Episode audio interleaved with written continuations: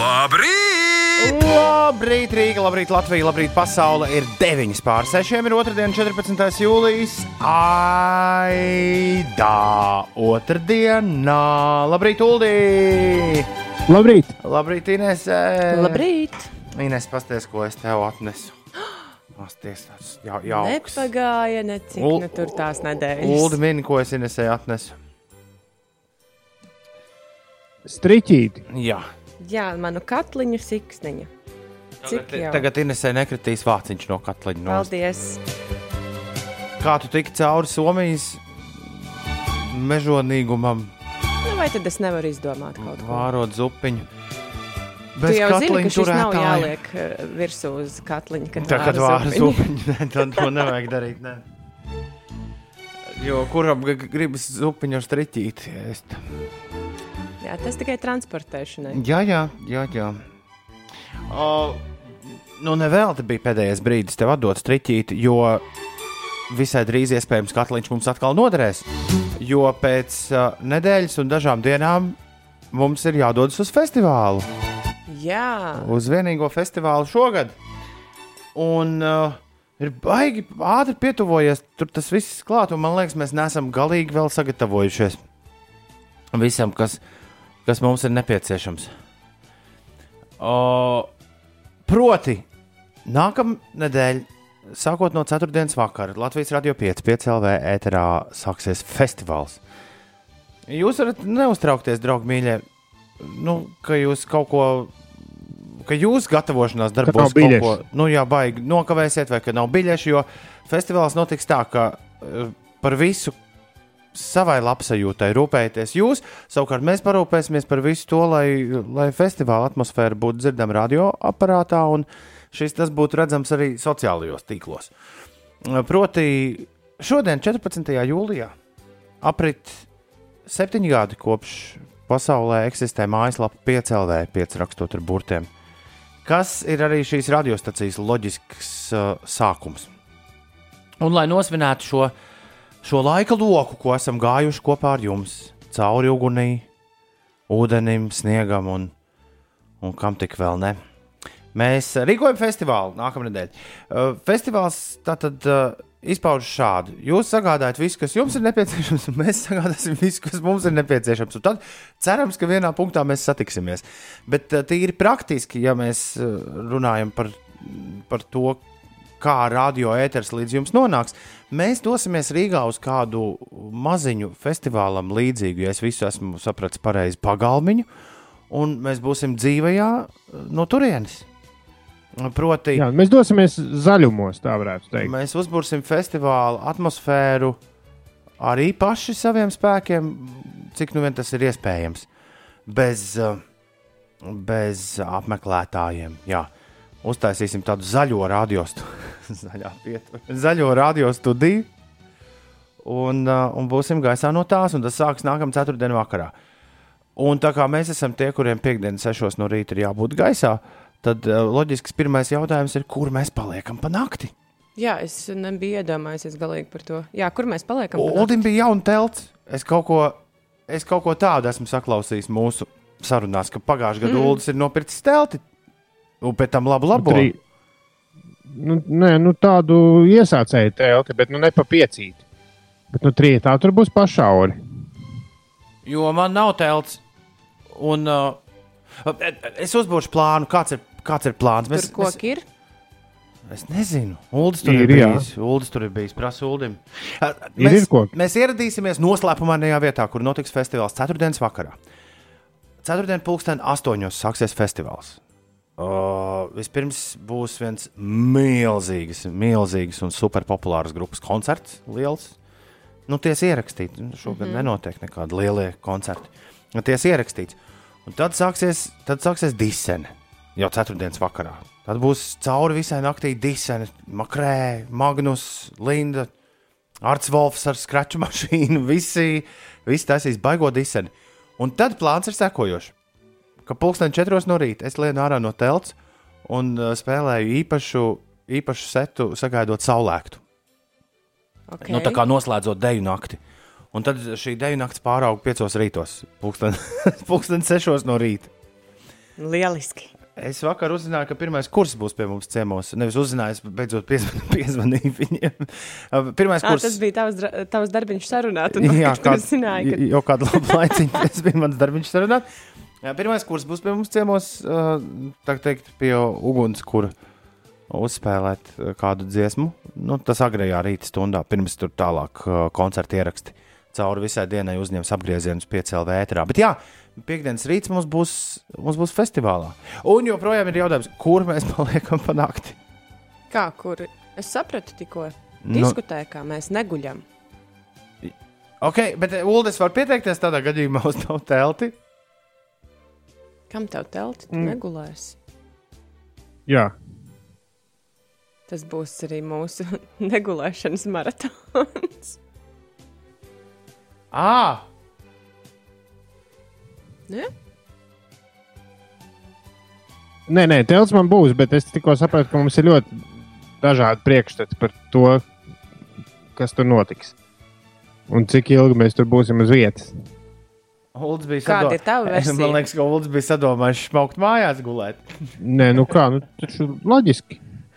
Tāpēc jau ir forši, ka pasākums nav tālu, lai visi var mājās paspēt. un Ja, atpakaļ. ja, Kas tas par festivālu? Tieši tā, ja, ja dārzā, ja dārzā taisa festivāla, tad viss paliek pa nakti teltīs, jo haidī. Es esmu jau atprasījies Come no mājām. Ja tu dzīvotu salas grīvā, Bet tu nu jā, nedzīvo. labi. Īstenībā, ja tu dzīvotu salas grīvā, tad droši vien tāpat iemaldītos telšu pilsētiņā un paliktu. Starp citu, es esmu vairākus gadus palicis salas grībā. Man ir, man ir slepenais, eh, ja tu runā par to festivālu, man ir slepenā vietiņa, kur palikt salas grībā, slepenais dzīvoklis. Un es nereizi Uldi, esmu iemaldījies telšu pilsētā pa ceļam uz to. Tas tā, lai vēsturiski šis būtu kaut kur piefiksēts. Nekad tas nav noticis. Tu nemaz nevari iemaldīties telšu pilsētā pēdējos gados, jo tev ir vajadzīga kaut kāda speciāla aprota. Jā, un viņi ir tur pāri. Tas gan, ceļam. jā. Viņi ir rīktīgi. Kādreiz, kad Girts Majors atnāks atkal pie mums ciemos, šito mēs, šito mēs viņam pastāstīsim. Tur gan ir tādas, nu, cik nu, privāti, privāti māju tādas teritorijas, kur, var, kur eh, saimnieki atļauj teltis celt. Vispār mūsu. Tur nejauši var iemaldīties. Es nu pat sapratu, ka ne jau arī, arī Pabērģa Uldis un Summersound ir tieši tādi paši. Tur jau zūd viss šis, re, kur Uldis mēģināja uzbūrt īsto šārmu, ka tu ej mājās, bet netiešām ietrāpīja telšu ciematā. Šeit zūd tas šārms, Glastonberry, Roskilde, Pukelpops. Nekur tev nav vajadzīga atsevišķa telšu aproce. Vienmēr, kad tu nopērci trīs dienu biļeti, tev ir uzreiz telšu vieta garantēta. Un ir viena aproce, ar ko arī viss staigā visur kopā. Un tad šis Ulu zīmētais scenārijs ir pat vairāk kā iespējams. Uh, Jā, bet tur- tur man šķiet, ir bijis mēs, citādāk, mēs arī ir mazāk. mēs arī nevaram, mēs arī nevaram aizņemties tavu telti. Kāpēc jūs? Nu, Es varēju Nē, gulēt es ne- arī hamokā. Labi, Ines gulēs hamokā, vai es drīkstu aizņemties tavu, vai es varu pieteikties aizņemties tavu teltu?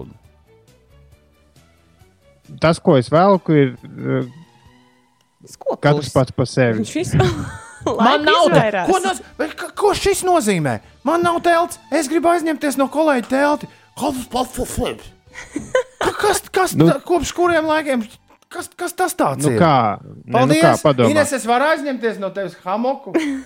Man nav hamoka, es biju plānojis aizņemties to no kāda cita kolēģa. Es varētu viņam pajautāt, varbūt viņam ir vēl kāds. Nu, paga, paga, mieru, tikai mieru. Uh, Es Man nu, nav kur tikai šī rīta. festivālā pa nakti. Tas, tas ir labākie festivāli, kad nav kur palikt. panākt. Kaut kur jau. Nē, es pēc šī, tikai pēc šī rīta sarunas sapratu, ka mums iespējams būs tur jānakšņo. Kā es varu apsolīt, kā es varu apsolīt telti, un pēc tam izrādīsies, ka arī man tur jānakšņo. Un kuri man telts, ah, bet es jau apsolīju. Pēc Un tad būs tā muļķīgā saruna. Paklau, man tomēr vajadzēs pašam. vienīgā lieta, domā es- viens gulēt, cik tev vietīgi telts ir. Nu, ja ļoti saspiežas, tad divietīgi un, un, un vēl kaut Nekur nezinu, jau nav aizliegts. Pagaidām nav aizliegts drons ņemt līdzi uz festivālu arī. Kāds sakars tam ar telti? Tom? No ar vietību. À, Tas, ko Tas es ir šī tēma, uh, ir izskanējusi tikai mūsu čatā, nevis ēterā. Vienu dienu mēs runājām, jo, ja kāds būtu klausījies, tad viņš saprata. tas, ko, Tas ir mūsu čata saruna, nevis ētera saruna. Bet labi, ne par to. tas, ko es no šī rīta sarunas esmu nopratis, ka viens gan ir skaidrs, ka pulksteņi, kuros mēs gulēsim, gan ir grūti aprēķināmi. Un ļoti iespējams, ka es ar savu ideju par rītā mierīgo festivālu, tā kā nomierinošo disko, pulksteni četros no rīta esmu sev pamatīgi iešāvis kājā jau tagad. Tā bija paša tava ideja. Jā, jā. Apsveicu. Tas Bet ir. ka- Kā mēs sapratām tikko no mūsu sarunas, katrs pats par sevi to droši vien viens pats arī Droši vien. disko Jā, spēlēt. un droši vien. Tā nebūs nekāds kolēģi Tie- atbalsts. tieši tāpat kā viss- krāks teltī. Tieši tāpat kā visu dzīvi. Nu, tā jau nu gan nav. Pūksteni četros no rīta ir gan. Nu, pēc šīs sarunas es sapratu, ka mēs tomēr neesam tik labi draugi. Bet, Ines, bet, bet Toms stāstīja par šo četros no rīta uh, sa saulēkta disko setu. Kad? Un tajā brīdī, kad viņš to viņš kaut kad mairīja mūsu čatā, vai man kaut kad stāstīja, es nezinu, nu, Jā, nu, ko kaut tad kā- es katrā varu ziņā. zināt, ko tev Uldis, ne, bet Toms stāsta. Nu, labi, stāsti. Nu, Vai arī tas bija mūsu sapulcē, bet nu, katrā ziņā es to biju jau dzirdējis. un Es klausījos un domāju, cik laba doma. Un no otras puses, domāju, cik labi, ka tas nav man jādara. Nu, abrīnoju šo uzupurēšanos. Bet es to pats sapratu, ka es varēšu tā kā dot pieci maratonā ar kameru un mikrofonu, iet jūs modināt teltīs. Ha, ha! Oi, Man liekas, tiešām sāk tāpat kā Uldim likties, ka mums katram ir savas expectācijas par šo pasākumu. Labi, labi. Tad, kad Ulas gribēs, Jā, Telš- kad Ulas gribēs pagaršot manas burgerīšus, tad es arī teikšu, ka kat katrs šajā festivālā ir pats par sevi ziediņu kungs. Maniem burgerīšiem bet- lūdzu klāt neskatieties. Atcerieties, jūs abi divi, ka es nevienā brīdī tā neesmu teikusi. Mēģināsim kaut kā likt to aiz auss. Es vienkārši vēlos izvairīties no situācijas, ka telts pēkšņi ir vajadzīga man pašam un man jāprasa atpakaļ. jo Tas būtu šausmīgi neveikli. Tāpēc jau laicīgi saku, ka pagaidām nē. Braukt Un ar- telšu pilsētā viņai īsti nav arī vieta. Es nu pats sapratu, ka teltīs brau- mēdz gulēt vairāk cilvēku nekā viens. Es zinu, jā.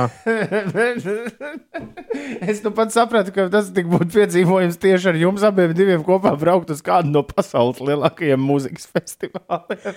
Un Tas man- aizņemta visu telti. Es, es domāju, ka mums piedzīvojumi netrūkt. Tas būtu varani. Jā, jā, aiziet gulēt pusnaktī. Es, Ko- nē, ko? es esmu trenēta neiet gulēt Pie- agri. Piektdienā pēc ētera. Jā, Bet man ir bijuši Labi, tādi, nu, tā, tā ir briesmīga sajūta. Man ir bijuši gadījumi, kad arī nu, šīs pašas, vakar es to pieminēju, agro rītu aizstāšanas dēļ. Un, piemēram, ceturtdien sākas festivāls, un es tikai aizlidoju uz festivālu nu, uzreiz, kā pabeidzis rīta ēteru. Ui, tad vakar, tad tā dūlda pusnakti ir tā sajūta. Jo, Haidī, kas te notiek? Es, un, un, bet tu visai ātri cilvēks redz, adaptējas, tu visai ātri izdomā, tā ne šito koncertu, nē, es laikam iešu pagulēt. Nu, nu, re. Uh, viss izklausās, pagaidām man skaidrs ir tikai viens, ka nākamā ceturtdiena ir pa dienu jāatrod rīktīgs laiks, lai kārtīgi pagulētu. Hmm. Jo savādāk. Tad gan es tev varu teltā aizdot. Es taču tur sāksim ievākties tikai ceturtdienā, vēlā pēcpusdienā. Uh, jebkurā gadījumā festivāls būs. Mm.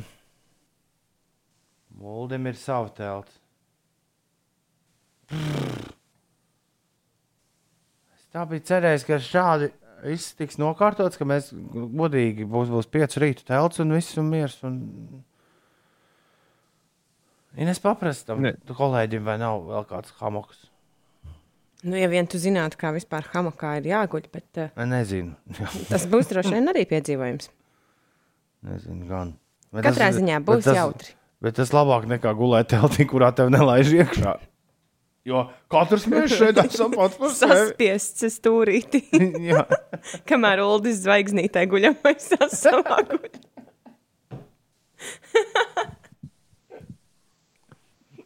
Nu, bet es vismaz godīgi pasaku. Jā, mēs to novērtējam. Jā, Pēc tam tev četros jāceļas. Iedomājieties, cik tas slikts telts biedrs būs. 3.30 sāk dziedāt modinātājs. Jā, Oh, well. Ja, jebkurā gadījumā, jautājums ir atvērts. es ļoti ceru, ka jums uh, radioaparāta otrā pusē būs ļoti interesanti šim visam sekot līdzi. Tas sāksies jau nākamā ceturtdienā. Bet uh, šorīt daudz laimes dzimšanas dienā, draugi. Uh, Ir tieši septiņu gadu apkārt, kopš PCLV vibrācijas ir kopā ar jums.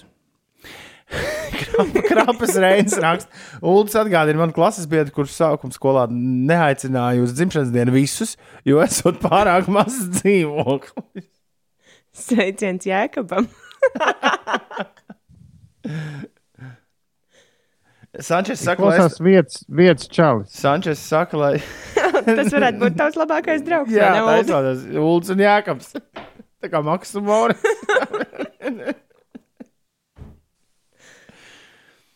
Palūdzu vēl ziediņam aizdot mocis. Sančes raksta. Man jau nav tiesību. Būtu, Jā, droši vien būtu varētu pastumdīt. Neviens, starp citu, neviens, kam ir, neviens, kam ir tiesības, starp citu, neprasa aizdot mocu. Tas tā kā nerakstīts likums, ka nu, nelūgt izbraukt. Jā, Prasīt tā teltīm aizdot tāpat, jā, mhm. Nē, nu izklausās, ka es tā kā, tā kā šitajos te uh, savos trakākajos festivāla gados iešu uz lielveikalu, nopirkšu teltu un atstāšu pēc tam festivālā. oi, nē, Kas, jā, pēc grētas parādīšanās, es saprotu, ir, tā nedrīkst. ir bezmaz vai supersodām lieta. Jā. Ir jau tie saucamie BB bag, kur ir vienkārši tāds liels maiss, kurā tu vari gulēt. Paldies! O, labrīt, pēc ilgiem laikiem esmu ieslēdzis jūs pašā sākumā rakstīju Jūglas Valters, bet guļu, jo pēcpusdienā tiku uz darbu šodien. Nu, tad turpini gulēt, ko tu tur raksti? Čuči tālāk. Nu, un, protams, atrakstījis ir arī. Alfrēds! Alfrēds! Al... Labrīt, maidīgie piecīši. Esmu jau augšā no pieciem, un dienu vēlos iesākt skaisti un pozitīvi un laimīgi, jo katru dienu dzīvoju ar smaidu un mīlestību. Izklausās katru dienu kā festivālā. Tā Alfredam. vajag mācīt. Ikvienam no mums. Vakar mīļie piecīši baudīja virslīgas futbolu. Zinu visus rezultātus. Valmiera Jālgava un Vēncpils Daugavpils. Izitūtīm bija laki. tu, Alfred. Malacis. Ā, Man tiešām liels prieks jūs klausīties. Jūs spridzināt katru rītu, raksta ērgļieveta. Un nu daudz laimes interneta dzimpukā. Tas nav nekāds interneta dzimpuks. Šis mums visi kādreiz bija pārāk daudz dzimpuku. Mums tagad ir viens dzimpuks. Mēs izdomājām, ka svinēsim tikai vienu. Vienu, jā. Tu īsto. Nu, izņemot piecu rītu, vēl dzimšanas Dzimšanas dienu. to vēl pasvinēs. Tad vēl katrs savējās. Jā, tad 31. marts vienmēr Jā. ir sva- svarīgs. Bet jā. īstenībā svinam tikai vienu. Nē, tikai 14. Bet tikai ne 14. jūlijā, bet nākamā nedēļa. jā, jā. Kas tu, kurš to otrdienā, vai ne? Kurš to otrdienā baigi svin? Eva, kā Manchester United vakar nospēlēja? Ir trešajā Neizšķirts. Ko? Jā. Ah! Es pilnīgi gribētu Hitlera video tagad taisīt. Divi, divi. Vai tad viņi jau. Vien, viņiem bija viena, viens darbs jāizdara. Jā. Viens darbs. Ielaida vārtus pēdējās minūtēs Ko? un neiekļuva Čempionu līgas zonā. tad viņi uh, sanāk, augsti. viņi Aksti. netiek, netiek uz augstāko līgu. Ja? Nu, Pagaidiet, vēl ir vēl bišķiņi ir palicis. Tas nav. Ne, bet, nu, viņi varēja riktīgi. Vēl ir trīs kārtas, ja pirms tur Trīs kārtas. Viņi varēja nodrošināt sev iekšā četrniekā ar šo. Ah, bet šī ir tā vārgā Manchesterā. Ja? Mm -hmm. Jā, United nevis City. Nē, nu jā, sāku to. otrādi. Nu, jā, jā. Jā. Nu, jā, City ir tā City. labā, un šitie ir tie mīkstie. Kā tik, kā tik tev, United. kā tik tev tā, tie mīkstie kaut kad nesagāja, neparāda, kur city, kas city, šitā city, un tad tā city, un tad vēl šitā city. Kā viņiem gāja pagājušajā gadā, Ā, viņi sestie palika. Šogad bija labāk uz piektajiem tēmē. Aizpagājušajā gadā viņa otrajā City bija pirms viņiem. Es izslēgšu ulu dārā, drīkst. Es atļaušos. Lai- Bet lai es atzīšos, man-. Tā kā es neesmu futbola fani, arī man mazliet jūka abas komandas. Labi, slēgšu ulu tad atpakaļ. Nu kā Ines, ir vienkārši tā, kas ir augstāka, tā ir City. Tā, kas ir sliktāka tabulā, tā ir United. Jā, bet Tiem tu- bija sarkanie krekli, un otriem nebija tādi jūras uh, tirkīs zili. Ne? Jā, ar avio Eti- Liverpoolē. ar, ar, ar Etihad uzrakstu. United arī ir sarkani krekli. Jā, bet Liverpoola ir slavenāka. Kāds Liverpoolai tagad sakars? Mēs runājam par Manchesteras komandām. Saka, tev ar vienu roku nesanāk City, ar otru roku pa Liverpoolu. Tik daudz es nejaucu, Uldi. Pagad, nu, pagad, labi. Sporta īsais apskats tiem, kas nezina par futbolu. Tad Man United ir izgāzušies. Nu, rīktīgi, nu, apši. Kārt, kārtējo reizi pie tam. Nē, nē, nu, vēl jau viņiem ir visas iespējas uh, tajā četrniekā tikt. Viņi stāv tur uz paša. Uh, uh, viņi stāv uz paša sliekšņa. Viņiem ir tieši tikpat punkti, cik Lesterai. 59. Vienīgi Lester ir iesitusi trīs vārdus vairāk visu turnīru garumā. Tāpēc United ir 5, Leicester ir 4. Bet, nu, viņi turpat ir. Un tad ir Chelsea, kas ir 3. vietā ar 60 punktiem. Tā kā nu, starp šīm trim komandām arī tās divas Champions League vietas tiks sadalītas. Kaut, kaut gan patiesībā šis viss liekas super absurdi. Jo kāda čempiona, Champions League vēl tagad tikai pagājušo gadu kaut ko tam mēģinās izspēlēt? Visi kalendāri visos, visiem sportiem būs sabīdījušies pilnīgā hardcore. Un neviens jau nezina, kad atkal tos ļaudis laidīs apakaļ. Uh, Un, un tikpat labi var atgadīties atkal, jebkurā sporta līgā var atgadīties kaut kas līdzīgs, kā atgadījās virslīgā pagājušajā nedēļas nogalē uh, pie mums. Un tev atkal pārtrūkst. Uh, nu, kā tu, tu, tu, tu kaut kādus kalendārus esi salīdzis, bet atkal viss sabruka. Ko tu tur biji sadomājis? Un, un, un, eh. nu, es, es negribētu būt uh, šobrīd kādā sporta pasākuma darbinieks. Dināmo kaut kur rīktējoties, runājot par sporta pasākumiem. Man arī interesē, kā, kā tas diez varētu notikt un izskatīties. Jo vai pēc mēneša dzelzceļa kausam būtu jābūt. Mm, nu, visādi treniņi uz ledus jau notiek. Nu, jā, bet no tos jau nelaidīs. Stabili pie mums iekšā. Nu, no tās zemes, jā. nu, viens cits jau nav, un mēs ar jokerīti visu laiku. Un ķuņļuņi jau arī netiks. nu, par to ir runa, jā. Tie ne... Tie, tie pavisam noteikti. Čuņi, ļuņi.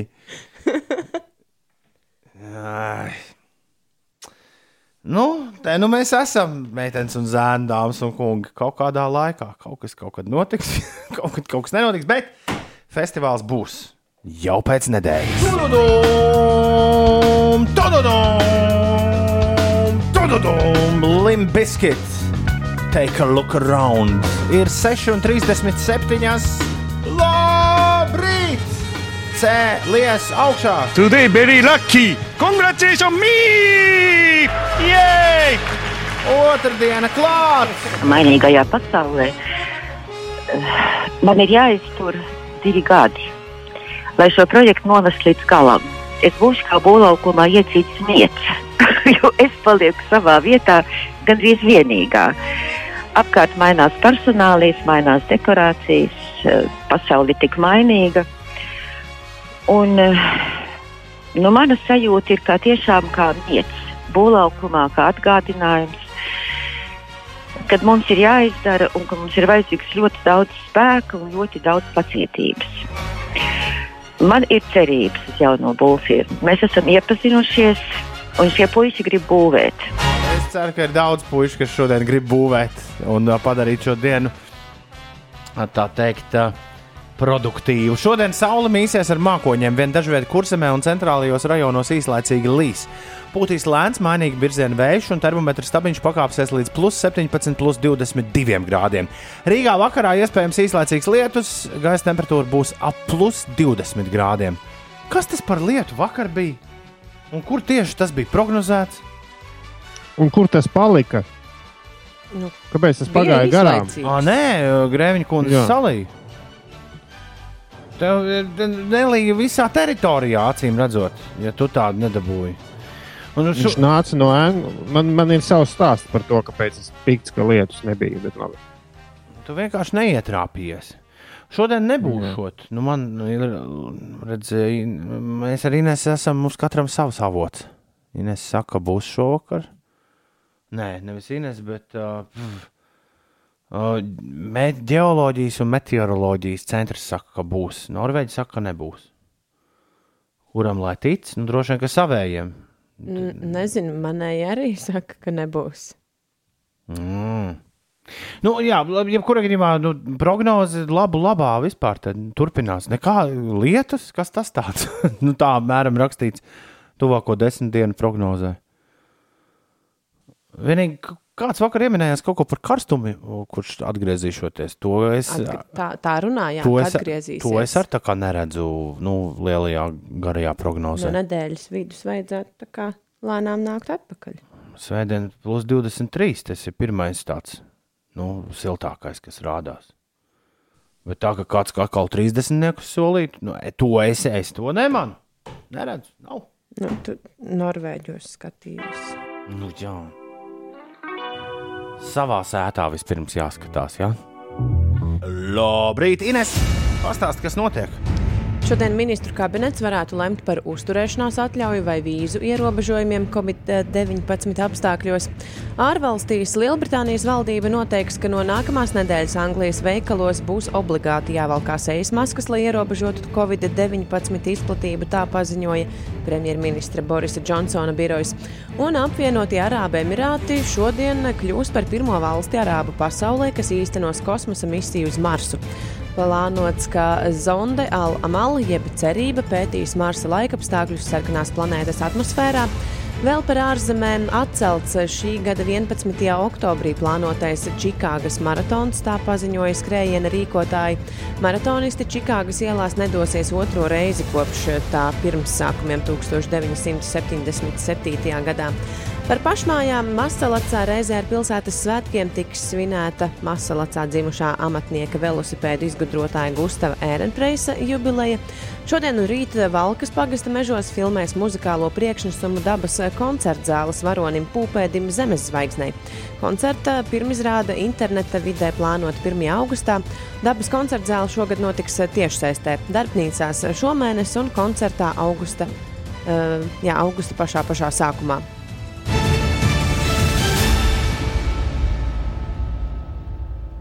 Ir 6,45. Ir otrdienas rīts, un otrdienās šeit notiek. Ah, Dators arī varētu strādāt, nevis amāžoties. Otradienās šeit notiek.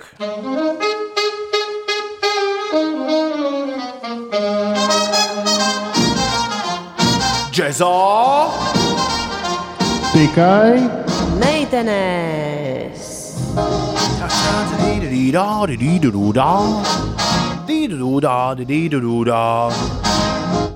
Be, be, belai, belais fleks un flektoņi tagad būs. nu, stāsti, Ulu, ko tu mums esi sarūpējis šorīt? Jā, šis nav tāpat. Vien Bēlais Fleks, jeb Bēla Flek, nesen svinēja dzimšanas dienu, un jau viņa dzimšanas dienā es atceros, ka šāds, šis mums noteikti džēzā nav bijis. Es citu aizmirsu pārbaudīt. Bet, nu, diez Nē, vai, nav bijis. Diez vai. Nav, nav bijis. Nē, mūziķis ir ļoti ģen, ģen, ģeniāls. Varbūt es nezinu, vai īstais vārds, bet ļoti, ļoti slavens. Un visslavenākais viņš iespējams ir ar savu grupu Bela Fleck and the Flectons. Uh, jāsaka to, ka viņš ir ļoti netradicionāla džēzam mūsdienu džēzam instrumentu spēlētājs, viņš spēlē banjo. Un, ja banjo džēza pirmsākumos, džēza bez banjo bija grūti iedomājams, tad, tad nu, tāds mūsdienīgs džēzs ar banjo ir kaut kas, ko man šķiet nu, dara ļoti reti. Un uh, grupa Bela Pleka un Plektons. Grupā Bela Pleka un Plektons viņš ir kopā ar nu, vēl daudz leģendārāku un Latvijā bieži viesojušos basģitāristu Viktoru Vūtenu. Uh, kura brālis Rojas Vūtens savukārt spēlē drumitāru, jeb bungģitāru. Tāds ļoti jocīgi uzparikt, kas izskatās pēc, es pat nezinu, pēc kā izskatās. Tāda kā kastīte, ko iekar kaklā kā ģitāra, bet uz tās spēlē bungas ar pirkstiem. Un tad tur vēl mutes harmonikas ir un, un šis te belfleku puisis uz banjo. Un viņi kopš 9, 80. Tā, kad viņi sāka? 80. gada sāk, beigās viņi sāka, un viņi kopš tā laika mēģina savienot šķietam nesavienojamas lietas, uh, bluegrass mūziku, jeb tādu no amerikāņu country pirmsākumu. Nu, nu, amerikāņu lauku mūziku, kur, kur nu, dzirdot banjo skaņas, parasti pirmais, ko tu iedomājies, ir šis bluegrass stils. Bluegrass un moderno džēzu.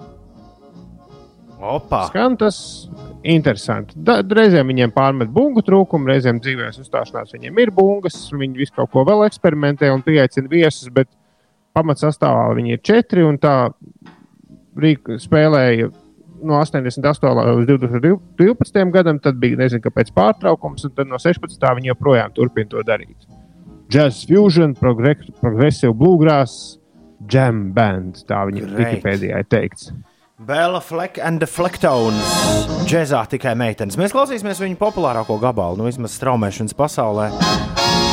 No... Jā, un ar šo, Jā. ar šo gabalu viņi ir arī uh, nu, apslapinājuši kājas popmūzikas pasaulē, jo šis ir nu, arī tajā laikā ar mūzikas video kanālu to ir spēlējuši. O? No 90. gada plates, kuras sauc tieši tāpat kā viņas pašas, Bela Fleck and the Flecktones. Šis ir The Sinister Minister. Džēzā tikai meitenes.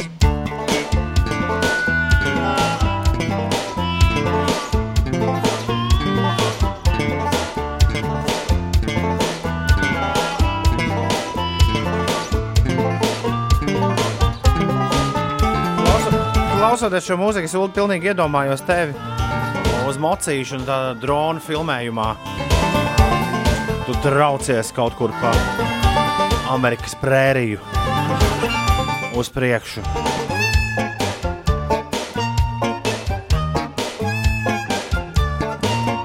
Nu, un tad, tev, protams, tur visādi jāstra piedzīvojumi sanāk katrā miestā, kurā tu piestājies.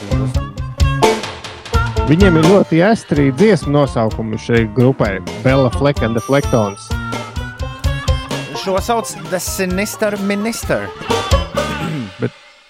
Tajā pašā albumā viņiem ir dziesma Marsam vajadzīgas sievietes, jo kosmosā ir vientuļi. Un nākamo dziesmu sauc Marsam vajadzīgas sievietes, viņas ir klāt. Bet ir tik labi būt kopā. Šī ir man mīļākā dziesma par kāju. Kā. Es kāju par tālu. Liku. Kā, id- kāpu no gultas ārā. Jā. Es kāju par tālu. Es liku lietā visu savu arsenālu. Bez trijām minūtēm, septiņi. Labrīt! Ines pirkšot hemoku. Nu, es tā tā izdomāju, tā kā Ulas tajā savā teltī nelaidīs, tad jau jādomā kaut kas. Nu, nē, es, Hemokā arī nevar palikt divi tādi. Es nu Ir divvietīgie, bet uh, man liekas, ka tur īsti nevar sagulēt. Varbūt kāds no mūsu klausītājiem ir pamēģinājis. Tā tā jaunā lieta, hamakos dzīvoties. Un vēl ir tās teltis, kuras var uzcelt uz nu, tām, mm, kā lai saka, nu, gaisa. Iekārtas kokos, jā. jā. jā. Tev- Hamaks ir guļam Kas tas vai tas, ne? tas, tā kā šis te uh, trīhaus, bet telts? Nu, gandrīz. Ir, ir tādas, jā. Tikai viņas parasti neceļ tik augstu, bet ir forši, ka tev nevajag meklēt uh, nu, gludu vietu. Un, ja ir slapjš, tad arī forši. Jā. Tikai man liekas, ka to ir ilgāk uh, jāceļ. Cik tā tādas maksā? Nu, Tādas labi maksā. O, es, man jau likās, jā. Šajos, Hamaks jau arī pie simta nāk. Nu, ja tu ņem visu, visu, visu, jā, tad šajos laikos, kad kabats caurs, nu, Palīdziet kārdināt te ar, ar šitādiem te buržu izstrādājumiem. Oi, Oskariem šodien vārdu diena rakstē ar glīvete. Sveicu mīļo dēliņu Oskaru, jauno brašo skolotāju vārdanītē. Bučas. Šodien arī Ritvaram un arī Anvaram ir vārdu dienas sveiciens viņiem. Uh, jau sen modies Aldis un šobrīd ir ceļā uz Liepāju. Aldi, paldies, ka esi kopā ar mums! Stokholmas Kaspars rakstā, šodien jāceļas un pusotra stunda jābrauc 15 minūšu vietā. Bet vismaz jūs es paklausīšos visu ceļu. Foršu dienu! Stokholmas Kaspars jāvēl tev foršu raidījumu. Valdes raksta, ka visforšāk ir, kad no hamoka izgāžas ārā. Man liekas, ka tas nav visforšāk. Tas ir vislabākais. Klausies, nu viss sūdi. Pēc tava vakardienas pārgājiena, kuru tavi kvēlākie fani ir arī redzējuši sociālajā tīmeklī, Instagram, jo tu ļoti labi to parādīji. Eh, Jā, nu, pēc tam vakardienas plāna eh, pārgājiena viss ir skaidrs. Plāns sekojošs. Va- Jaucam to brasu stiltu nost. Un Nu, man liekas, ka tramvajs, kurš šķērso dzelzceļa sliedes, tā ir zinātniskā fantastika, un tas nav iespējams. Bet izrādās, ā, pēc Ulu vakar nofilmētā tālu, tālu sarkandaugavā, Ulas bija uzgājis vienīgo vietu, kur tramvajs pārbrauc pāri dzelzceļa sliedēm Latvijas galvaspilsētā.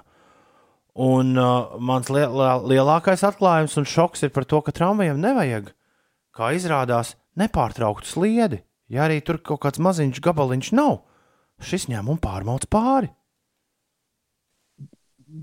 jā, vienīgais tur kaut kas, kaut kur es lasīju, ka, ja tās sliedas ir elektrovilcienam, tad es to ķībele.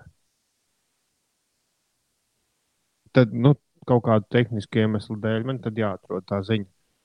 Pagaid, bet elektrovilcieni. Es, es nezinu, man jāmeklē šis. Elektrovilcieni tagad brauc uh, tikai uz jūrmālu, ne? Nē, man šķiet, ka uz to pusi arī. Nekad neesmu, pa... nekad neesmu baigi mēģinājis šitajā iedziļināties. Jā, man arī nav sanācis uz to pusi ar vilcienu braukt. Un braucot, baigi bērnībā es skatījos, vai tas ir elektrā vai parastais. Bet... Nu, jau vairs neskatās. Nu, viss. Jā, Es gandrīz bet... jau nojaucu brāzas tiltu. Tad tas tik būtu, tas tik būtu vareni. Nojaucam tiltu, laidīsim pāri tramvaju, tagad sliedēm. O, nē, šī te nemaz nevar. Ups! ja es strādātu Rīgas domē, tad droši vien tas ir Rīgas domas satiksmes departaments. Tad es droši vien šādas podas arī izgāstu. Nu, labi, ka tu nestrādā tur. Jā. Tikai, tas, kas ir. tikai žēl, ka nu, tāpat tur darbība nenotiek uz priekšu. Nu, Pagaidi, pagaidi, tūlīt jau būs domas vēlēšanas. Visu sakārtos. Jo tā pavisam elementāri. Noraujam tiltu nost un lai tur brauc. Lai brauc tramvajs pāri sliedēm.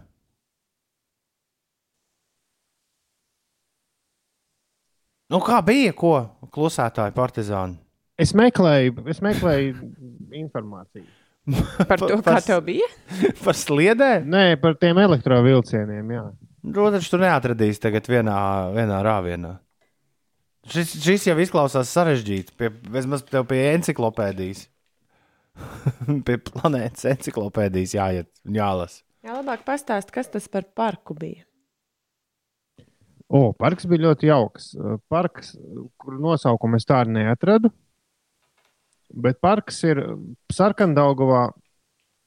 Nu, ja, ja kāds zina Alderu parku, tad šis parks ir viena parku tuvāk Sarkandaugavas centram, ja to tā varētu teikt. Kas ir Sarkandaugavas centrs? Nu, es nezinu, nu, tur, kur Sarkandaugavā, kur ir tas lielais krustojums un kur benzīnāks un, un dzelzceļa pārbraukums. Kur kādreiz Tur, bija kur- kinoteātris? Man, manā izpratnē, es ļoti atvainojos sarkandaugaviešiem, ja es kādu ai- aizvainoju, bet manā izpratnē tas ir sarkandaugavas centrs. Tur es arī redzēju to sagurušo vīru. Un uh, no turienes blakus sarkandaugavas. Es iedomājos, cik šo ir interesanti klausīties cilvēkiem, kas nav redzējuši ulu. Nu, bet tu paskatīsies. video. Jā. nu, noskatīsies. Es tāpēc tā saku, lai kāds varbūt, kam interesē, noskatās. Un par to mēs vēl parunāsim. Bet uh, parks ir uh, Sarkandaugovas kapi, ja nemaldos. Puse no tā parka ir kapi, kuros īsti tikt. Nu, var, bet tur jālien pāri sētai vai kaut kādu vārtiņu biest. Es negāju cauri kapiem, es gāju apkārt. Puse ir kapi, tad stūrī ir baznīca, un otra puse ir rīktīgi smūgs tāds pakalniem klāts parciņš ar skaistu pļautu zālīti. Tur tiešām izskatās tā, kā nu, tādus parciņus parasti var uziet kaut kādās ārzemju lielpilsētās, nomalēs, bet nekad nebija sanācis Rīgā. Es zinu, jā, tur dzēguši kalni, tādi smuki un kur vēl. Bet, uh, jā, ir ļoti interesanti aiziet uz pilnīgi nepazīstamu rajonu un iziet pa tām ielām, pa kurām nekad nav sanācis staigāt, un pēkšņi uziet tiešām skaistu parku. Tad Jā, tu gribi teikt, ka tā- tu nemaz nezināji, ka tu to parku atradīsi. Nē, protams, nē. Nu, es Mm. kartē redzēju, ka tur ir kaut kas zaļš, bet eh, tā, ka, tur, ka tur būs tik glīti. Un man tiešām tas bija populārākais jautājums. Man daudz cilvēku prasīja, kur tas ir, kur tas ir. Tā, es laikam būšu atradis beidzot to ziņu, ko es meklēju. Jo tas puisis, kuru Twitterī es atradu šo sliežu pārbraukumu, sliežu krustojumu, viņš ir rīktīgs velosipēdists. Un šis ir stāsts turpinājums. Nu, jā, vārds sakot, es aizgāju, nobildēju, manā Instagramā var apskatīties. Tramvajas lietas krustājas ar dzelzceļa sliedēm izskatās ļoti iespaidīgi. Bet šis puisis, Kaspars Kins, Twitterī, sevi sauc par dīgdienu, viņš ir atklājis arī, arī to, ka no turienes, no Tvaika ielas, pa, faktiski veloceliņu var aizbraukt līdz Valmieras ielai. Pāris vietās jāpārnes velo kaut kur pāri kaut kam, nezinu, sliedēm vai kam. Gar sliedēm esat gandrīz perfekts veloceliņš līdz Valmieras ielai, respektīvi līdz nu, tur, kur ir Valmieras matīs. Nu, apmēram tur iedomājieties. Jā. rajonu. Es savu. Un Es, Faktiski, jā, jā, jā pabeigts. faktiski neredzot nevienu automašīnu. Es savukārt nevaru atcerēties, kāds kinoteātris tur kādreiz sarkandāgā bija. Kā to kinoteātris sauc? Tā bija Aurora. Ja kāds man klausās, kurš ir sarkandāga vietas, tā bija Aurora, kas bija tieši tajā krustojumā, par ko, par ko Uldis stāsta.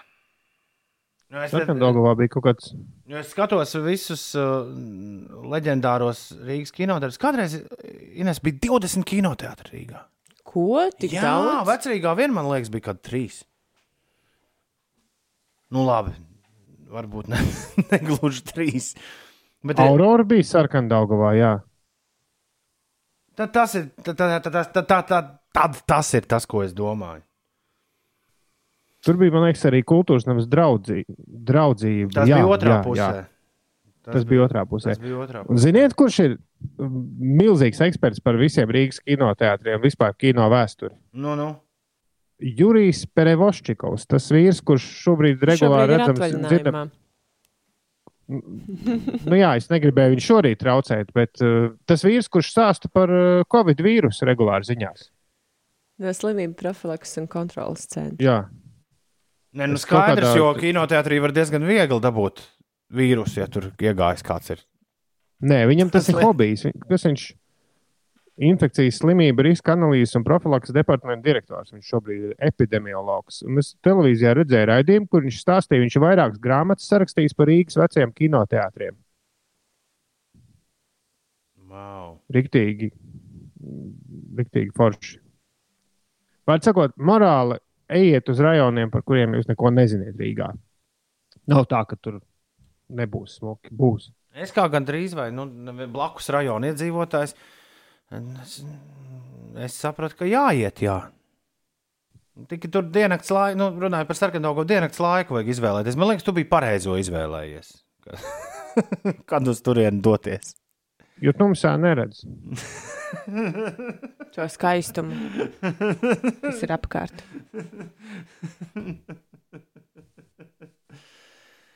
Viens sagurušie vīri joprojām arī tumsā pretī slāņi. Ir 14 pār 7. Ir palicis vēl kāds rajons, ko tu neesi izpētījis, Ulu. Imanta, Zoltūda, nu tas gals. Skaidrs. Man visvairāk izbrīnīja tas, ka tu atpakaļceļā nenotrāpīji pie milzīgajām padomju laikā meža parkā estrādes skulptūrām. Kaut kā izvēlējies ceļu un viņas apgāja. Kur tādas ir? No, tās, tev, tās tev jāsameklē. Tu biji no Meža viņām parkā? ļo, ļoti netālu. Bet tas ir meža parkā, jo meža parkam nesanāk. Meža parkam sanāk līkums. Nē, nē, tās nav meža parkā. Tās tu vari atrast, tas ir tev uzdevums. Tās tu vari atrast kaut kur starp uh, Sarkandaugavas staciju. Ja? Man liekas, tā arī sauc staciju. Tu vari starp Brāzas un Sarkandaugavas staciju kaut kur atrast. Jā, Tādā pļāvā aiz krematorijas uz sarkandaugos puses. jā. jā. Tur Tad bija tu- tādas diezgan neglītas. bet iespaidīgas. Ok, ir ceturksnis pār septiņiem. Labrīt! Mūsu Rīga Latvijā! Cēlies augšā! Amiļau, Šodien ir otrdiena, 14. jūlijas. Anvars, Oskars un Rītvars svin vārdu svētkus. Sveiciens viņiem! Izdevniecības žurnāls Santa līdzīpašniece un galvenā redaktore Santa Anča svin dzimšanas dienu. Daudz laimes Santā! Daudz laimes Dženai Linčai, amerikāņu aktrisei no uh, Glīs seriāla. Jā, viņai dzimšanas diena. Angļu dziesminiekam Danam Smitam ir dzimšanas diena. Tas no Bastīla nav. Jā, jā tieši tā. Dāns Smits, tas ir Bastīls solists. Jā. Konoram Makgregoram īru kauslim ir šodien dzimšanas diena. Un, diemžēl, šis ir pirmais gads, kad šajā dienā mēs nevaram atzīmēt Karela Gota dzimšanas dienu. Parasti šajā rītā ieskanējās Karela Gota skaņas šajā rīta radio. Godinot leģendāro čehu zvaigzni, bet pērnā gada oktobrī, diemžēl, Karela Gota uh, eksistence mūsu pasaulē izbeidzās. Jā, bet līdz šim visus gadus mums ir bijis kaut kas par bitīti māju šajā rītā. Es Ši- kaut kā tā iegājies. Paturam šo tradīciju, Ulu. Kāpēc ne? In einem unbekannten Land, Tev vajadzētu redzēt, Inês, tagad eine Biene Tas sehr neies. Mēģinām saprast, Von kas der notiek. sprach alles weit und breit. Dziedāsim mēs ar Ulu tūlīt kopā līdzi. Und diese Biene, Biene meinen sich Mājā, kleine, freche, schlaue Biene, mājā, mājā. nicht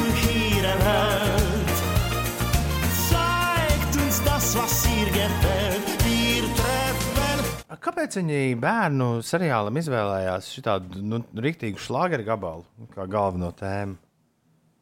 Tā nav speciāli vai te rakstīta? Nu, Šim- bet, nē, nu, bet no, multfilmai. nu, jā, bet noaranžēja šitā te. Mums gan bērnībā likās, ka galīgi nekāda vaina, vai ne?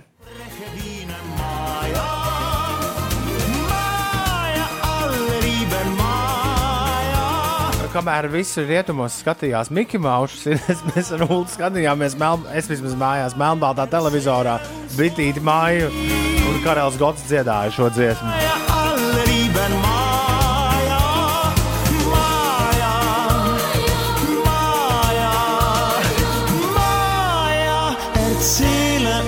Von dir.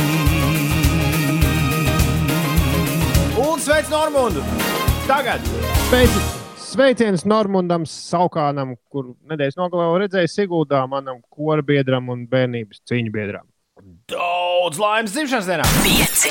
Uzgriez un ir. Astais prātnieks par čurāšanu uzdzējojis. Stāv pie brilles, rokā turu pitonu, apkārt pavīts smārts pēc kurmja un mintona. Ah, un vēl pēc brīža uzpil- uzpeld urīnas maka, vīriešu tolete. Nu, ko Kāpēc tu lasi? Nu, Veids, ka dzējām laiks ir uldi. Pa, pa. Tas eh, īpatnējs dzējolis. Prātnieks to ir atrakstījis. Katrs, protams, dzējo par to, ko grib un var dzējot. Kas un viņam kā tuvāks, grib jā. dzējot, jā. Vai man ir jāpastāst, eh, par ko jums būs jādzējo? Būtu tā kā pēdējais laiks, ir 7,26. Tā kā mēs eh, raidījumu sākām ar garu sarunu par mūsu festivālu un par palikšanu festivālā un par teltīm un par eh, telšu neaizlienēšanu, tad eh, es domāju, ka jums ir jāsadzējo pāris rindas par eh, nu, to festivālu būšanu, par būšanu festivālā. Par visām tām blaknēm, un patīkamajām lietām, un arī nepatīkamajām lietām, kas notiek festivālos. Otradienas te kopš pandēmijas sākuma par dzīslu dienām Jā. pārvērtušās. Nu, tad uh, uzdejosim. Jā. Mēs uz, jūs dejojat par to, kas jums, tu, tu prātnieki dejo par to, kas tev tuvāks, mēs par to, kas mums tuvāks. Ir 7,27. Ines, kas notiek? Manchesteras United eh, vienība Anglijas futbola Premjerlīgas 35. kārtas spēlē savā laukumā cīnījās neizšķirti 2-2 ar Southamptonas eh, Dūra. spēlētājiem. Es atvainojos. Jā, daži ir ļoti karstasinīgi līdzjutēji šai komandai, arī mūsu 9. studijā. E, Apvienotie Arābu Emirāti kļūs par pirmo valsti Arābu pasaulē, kas īstenos kosmosa misiju uz Marsu. Plānots, ka zonde Al-Amal jeb cerība pētīs Marsa laikapstākļus sarkanās planētas atmosfērā. Vēl par e, ārvalstīm ir atcelts šī gada 11. oktobrī plānotais Čikāgas maratons, tā paziņoja skrējiena rīkotāji, un Lielbritānijas valdība noteiks, ka no nākamās nedēļas Anglijas veikalos būs obligāti jāvalkā sejas maskas, lai ierobežotu Covid-19 izplatību. Tā paziņoja premjerministra Borisa Džonsona birojas piebildīšu, ka Lielbritānijā e, sejas masku lietošana sabiedriskajā transportā e, šobrīd jau ir eh, nevis atļauta, bet tā ir obligāta. Par laikapstākļiem šajā dienā pie mums eh, vietām Latvijā gaidāms īslaicīgs lietus, vairāk lietus mākoņu pēcpusdienā un vakarā būs kurzemes vidienē un zemgalas rietumos. Saula mainīsies ar mākoņiem, gaisa temperatūra pēcpusdienā plus 18, plus 23 grādi pārsvarā saglabāsies lēns vējš un galvaspilsētā nav gaidāmi nokrišņi - plus 21, plus 22 grādi. 28 minūtes pār septiņiem. Sveiciens dzimšanas dienā mīļajai māsiņai Rebekai Liepiņai no brāļa Ulda. Daudz bučus un mīlestību no Somijas. Jej! Paldies! Nu, ko kopā mums labi skan? Ir, ir Kopā tā. mēs varam, kopā mums ir spēks. Tā, jā. Tieši Mazs, tā. mazs kriksīts no mums vēl palicis šodien, ko jums uzspēlēt. Un pie beigām, protams, kā gan, kā gan neuzspēlēt. Tici sev, ticiet sev, jums būs lielisks festivāls. Jej! Ļoti labi. Bet uh, to tiks sev kādā citā reizē klausīsimies. Varbūt nākamnedēļ jau. E, Jā, ļoti iespējams. Nākamā ceturtdiena, piekdiena un sestdiena mēs jūs ielūdzam uz radiofestivālu. Mēs spēlēsim labākos festivāla koncertus, kādi jebkad ir bijuši. Uh, jā, pareizi. Jums taču ir arī iespēja pat izvēlēties, ko jūs vēlaties dzirdēt. Jums ir jāatsūta uz festivāls at5LV. Uh, jā, savs mīļākais visu laiku. Labākais festivāla koncerts un arī kāds stāsts, kas atgadījies festivālā. Ļoti iespējams, ka sestdienas laikā kaut kad ieskanēsies ēterā tieši jūsu mīļāko grupu dzīvē ieraksti. Tātad nākamā nedēļa iet vaļā liels, liels festivāls. Un vēl informācija daudz un dikti tuvākajās dienās par to jums sekos, bet uh, šodien mums ir festivālu dzējas. Kuram jāsāk, Ines? Šis man vienmēr mulsina, es nekad nezinu, kuram. Tas jau nav it kā tik jādara. ļoti būtiski, kuram ir jāsāk. Oi. Jēziņ. Tev ir, tev ir Bet, garā uh, dzēja vai vairāk? Man ir šodien dzējolis ar trīs pantiņiem, četriem pantiņiem pat. O, Pagājušo o, reizi o. tev bija ļoti tāds izjusts un garš dzējolis. Šodien četri pantiņi nav baigi gari. Bet varbūt, Īsāki. varbūt Uldis Toms- sāk. Ko? Es gribēju kaut teikt, ka Toms var sākt, un tad es visu sabojāšu beigās. Ar dzējām par toaletēm. Bet kāpēc, lai mēs paliktu uz sabojātas nots? Nu, labi. ok. Rauju vaļā. Rauju vaļā. Kad telti neaizdod tev kolēģis tas skopais, tad jāsarūpē sev tāds siltāks guļamais. Tad skaļi smieties acīs varēs tam lopam un zvaigznēs vērties tur, kur svaigāks gaiss. Jā, Jā. Tā. Nav man naudas, nav man somas, slikti sācies festivāls. Man tas man uz ielas jomas, pats es kaut kur Romā bāls. ļoti ticami. Jā. Jā. Tas ir par mūziķu droši vien kādu. Nu, jā. par kādu roka zvaigzni. Vāns atstāja jūrmalā, kur es kāpēc aizbraucu pēc, pēc festivāla un pats nokļūst Romā.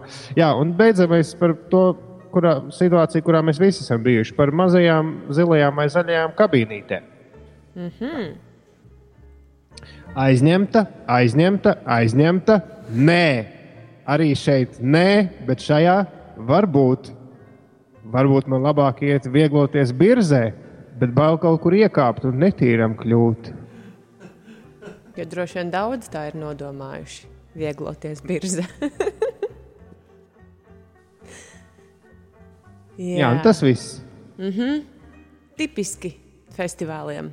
Mm -hmm. Tā. Mostos, mugura man stīva, baigi karsti, gribas ēst. Nepārprotiet, nesmu rīma. Tik kuņģis saka, vecīt, saņemies. Pat džinsu jaka nav vairs tīra. Tā vakar dubļos notraipīta, un sausas zeķes tik vairs pāris pēdējais. Joprojām līst, pie vainas laikam lielais gulētājs. Ko darīt? Jāraušas vien ārā. Uz lielās skatuves jau pirmā dienas grupa kāpīja. Pa ceļam jānopērk, ko likt uz zoba kārā. Re, tepat jau arī Uldis Rudaks slāja. Ak, šodien labu, labā festa diena. To atzītu pat mana sieva. Būs Arktika Mankīs, Bjorka un pat Līvi. Es varos apkārt. Ak, kas par skaistu dzīvi! Jā, mums tiešām katram ir savas expectācijas par festivāliem. Noteikti Ine, nu, vi, novilka Inese jā, pie sevis. Jā.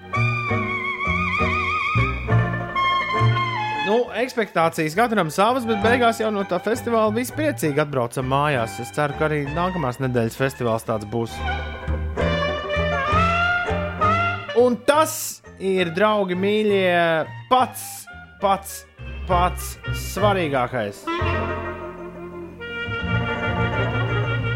Labrīt, visapkārt. Es jau jūtos kā festivālā. Ilis prasa, kur tās dziesmu svētku estrādes statujas ir sarkandaugavā, kur tās jāskatās. Visvieglāk viņas ieraudzīt, ejot pa slied, nu, gar sliedēm no sarkandaugavas stacijas, brāzas stacijas virzienā. Cik interesanti. Es vienreiz tur skrēju, neko tādu neredzēju. Bet iespējams, es neredzēju, tāpēc, ka es pa tumsu tur skrēju. Uh, šodien Foršam Osim vārda dienas sveiciens viņam un uh, visiem pārējiem Oskariem no kāda mūsu klausītāja. Uh, Jankam vajag palīdzēt piecelties, lai var sākt strādāt. Uzmundrinājums nepieciešams Ipiņam un Alberto. Tu vari sapurināt Iviņu un Alberto? Ipiņu. Ipiņš un Alberto abi divi grib purinājumu Uldi, no tevis un ne no viena cita. Ko lai es viņiem saku? Lai Ipiņu. saņemās. Ipio, ipie. Ipijai, Alberto! Nu, pēdējā laikā nav baigi labs mu- mundrinājums. Es- Bet uh, nu, tu mājās- nākamnedēļ, nākamnedēļ tu atradīsies studijā. Pamēģināsim Jā. tad. Man mājās nestrādā dziedāšana, no klaigāšana īsti labi. Labi, Nu, jo es nedzirdu ne to atbalstu, ne, ne, ne, ne jūtu. Labi, labi, labi, labi. Ir bez desmit astoņi. Ines, kas notiek? Neliela sastrēguma Rīgas ielās sāk veidoties vienības gatavē posmā no Irbenes ielas līdz Kārļa Ulmaņa gatavas pagriezienam pa labi ir jārēķinās ar 5 minūšu kavēšanos. P5 pirms Rīgas apceļa no tīnožu puses sastrēdzis uz aptuveni 4 minūtēm, bet uh, citviet viss ir mierīgi. Autoceļš A8, jeb šoseja Jēlgava Rīga, braucot Rīgas virzienā posmā no Dabas līdz Jaunolainai. Tur ir jāpavada 25 minūtes autovadītājiem. Un tagad par citām vēstīm. Pasaules veselības organizācija uh, saka, ka pasaules valstis pašlaik iet nepareizajā virzienā, atvieglojot dažādus ierobežojumus saistībā ar Covid-19. Jā, tā sacīja Pasaules veselības organizācijas vadītājs Tedros Gebrejesus. Viņš uzsvērs, ka jaunā koronavīrusa pandēmija tikai pasliktināsies, ja valstu valdības nepieņems izlēmīgus lēmumus. Savukārt vienkārši cerēt uz vakcīnu viņa prāt pašlaik nesot realistiski.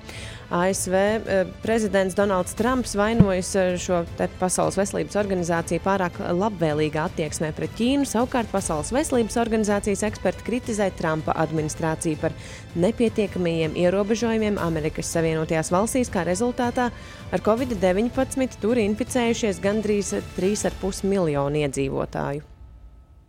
Yeah. Ir uh, 7,52 pareizais laiks. Un tagad pults rokā un pieci rītī skatās TV. Kamēr Ulas un Ines skatās Netflix, vienu Netflix, vienu es jau kādu nedēļu, man liekas, Netflixī tikai Back to the Future bērniem esmu ieslēdzis. Bet ar lielāko prieku pavadu savas TV stundas kopā ar kompānijas HBO izstrādājumiem.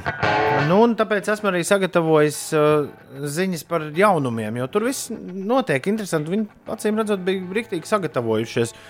Viņiem ir uh, safilmēts viss kaut kas uz priekšu, un tagad tas viss arī uh, lēnām pirmizrādes uh, piedzīvo.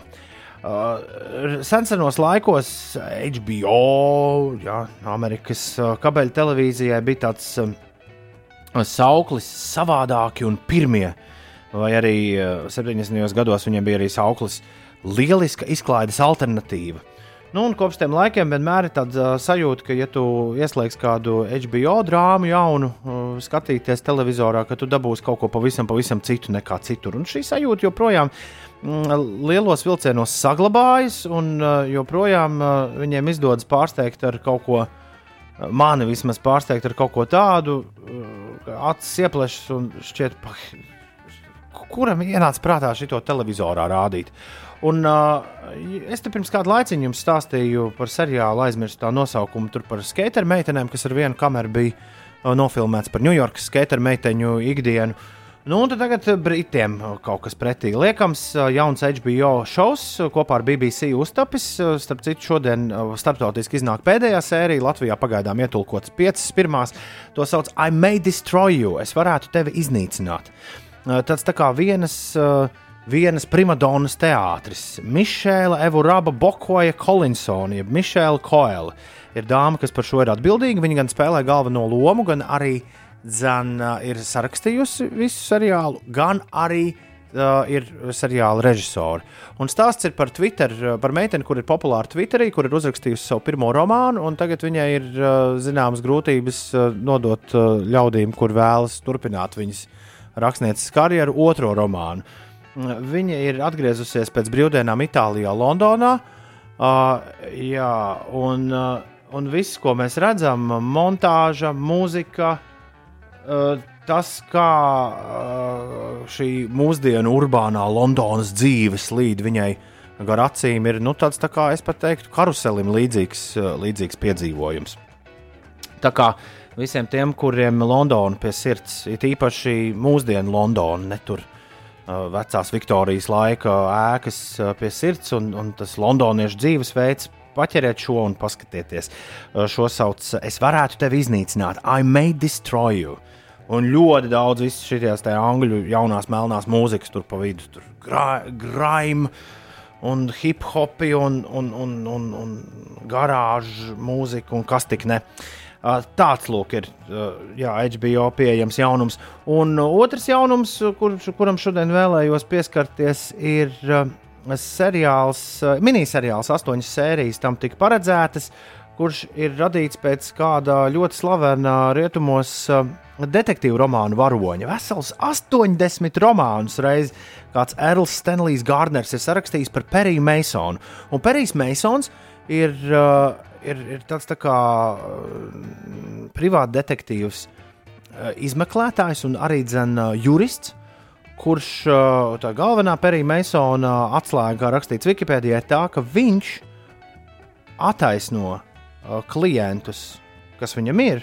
Nevienmēr nu, pada, pa, skaidri un gaiši pasakot, ka viņi nav vainīgi noziegumā, bet viņš vienmēr atrod kādu citu, kurš atzīstas, ir ka, vainīgs. ka viņš ir izdarījis to noziegumu, kuru, uh, kuru ne, uh, par kuru apsūdz Perija Masona klientus.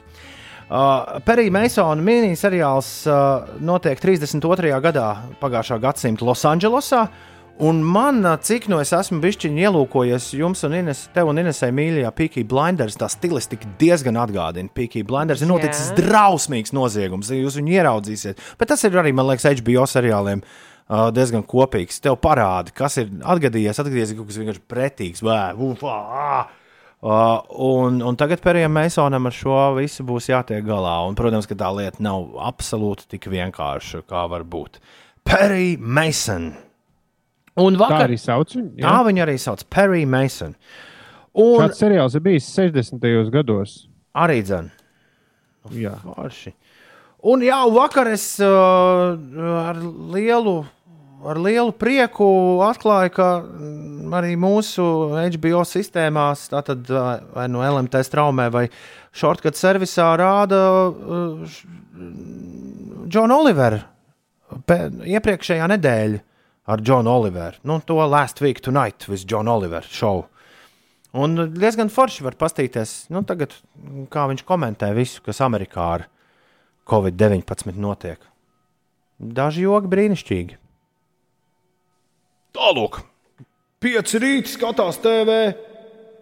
Šorīt uh, uh, uzmanības centrā es varētu tevi iznīcināt, un Perijs Masons. I may destroy you, un Perry Mason. Nu, un Džona Olivera arī var pastīties. Ir otrdiena, 14. jūlijas, šeit 5 rītī. Latvijas radio 5,5 LV Breakfast Morning, super duper šovs. Grēviņš pie pogām, Ziediņš pie kaķīšiem un Ines eh, džinsu jakā, jau nu nē, bet tādas jakā pie ziņu lentes. Jā, ja man palika augsti. Nu, nav vairs augsts. Es taču gan aiztaisīju logu, gan arī izslēdzu to tur ārā. Nu, labi, labi. Ah, Sākās atkal dzīve kopā. Pēc šiem Jā, jāsa, jāsadzīvo ar visām dīvainībām. Tā ir, jā, jā. Pēc, vis, pēc, šī, pēc šī interesantā izolēšanās laika. Klau! Logi jau varēja atstāt vaļā. Jā. Jā, es te, domāju, nevienam vien šķiet, ka nu, nekas trakāks par 2020. gadu nekad nav piedzīvots. Logi nevarēja atstāt vaļā, jo uh, Udi bez zvani bija. Nu pat.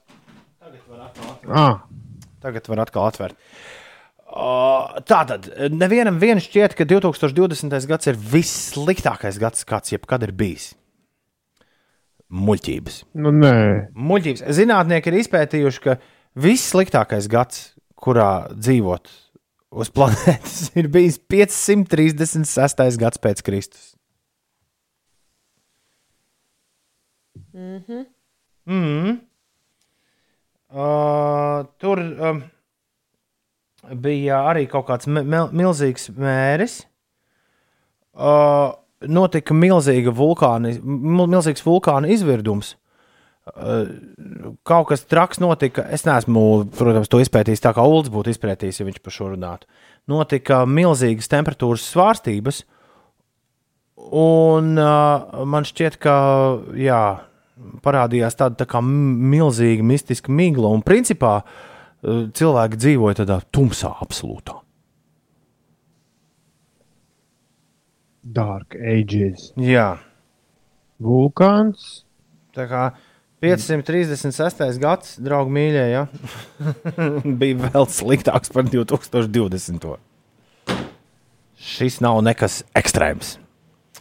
Kā ir tā jāatzīst? Jā, man, man šķiet, ka arī nu, mūsdienās ļoti daudz cilvēku, kas ir dzīvi, nu, šobrīd dzīvojoši cilvēki, ļoti labi atceras, ka arī, arī viņu dzīves laikā šis nav pats trakākais gads. Klau, uh, Nu, kā man mums ir jā... tas pats, kas nu. vakar jāsaka. Mums ir jāliek sejas maskas. Kāds trakākais gads? Oh, jā, jāliek sejas maskas. Politiķi tad šobrīd ir visi vienojušies par to, ka vajag stingrāk kontrolēt robežas, bet kā tieši tas tiks nodrošināts, to pagaidām neviens īsti nespēja mums pateikt. Tikmēr Ulas uztraucas par kaut ko pavisam citu.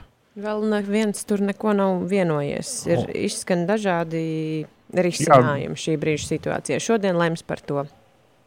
Ulim vairāk interesē, vai kaut kur tiek Latvijā apkopoti dati personu. Jā, es vienkārši lasu, man viena paziņa tikko atgriezusies no Berlīnas un stāsta, ka tur visos restorānos un vēl vis kaut kur tiek ļoti cītīgi ievākti apmeklētāju dati, lai vajadzības gadījumā varētu sazināties un sameklēt. Nu, muzejos prezentācijās, pasākumos, uh, mazākos un nezinu, vai par lielākiem. Un tad es klausījos vakarā angļu rādio, un arī tur stāstīja, ka visos krodziņos, kas ne jau nedēļa ir atvērušies, pilnīgi visur jāatstāj savu nu, kontaktu informāciju. Vai nu rezervējot galdiņu, vai vienkārši ierodoties savāc visus tavus personas datus, lai nu, ne visus personas datus, bet nu, vismaz Nu, kā vārds un telefons. Ar to jau arī patiesībā pietiek. Nu, jā, jā. lai tev varētu sadzīt rokā vajadzības gadījumā, ja pēkšņi, ja pēkšņi kaut kas sākas. Vēl viens interesants Nu, Kāpēc, termins. kāpēc pie mēs to mums kaut- nedarām? Tas, tas, tas izklausās ļoti elementāri arī atrisināms. Jā, ko tu rēķini dodot?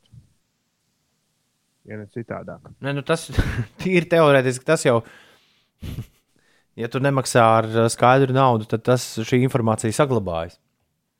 Tīri teorētiski. Pašai kafejnīcai. Bet, uh, jā, tas ir interesanti, kāpēc šis nav ieviests kā absolūta norma. Un, Jā, es, ne, es tik stāstu, ko es lasu, dzirdu vis kaut kur apkārt. Vēl ir kaut kāda drošības pasākuma, kurus mēs varētu pieņemt. Kur Edžels raksta, ka kaut kur vāc datus. Mums vispār tāpēc ir tā aplikācija, raksta kāja. Vai kāds ir dzirdējis? Vai... Nu. Es ne, ne, negribu ielaisties diskusijās par aplikāciju.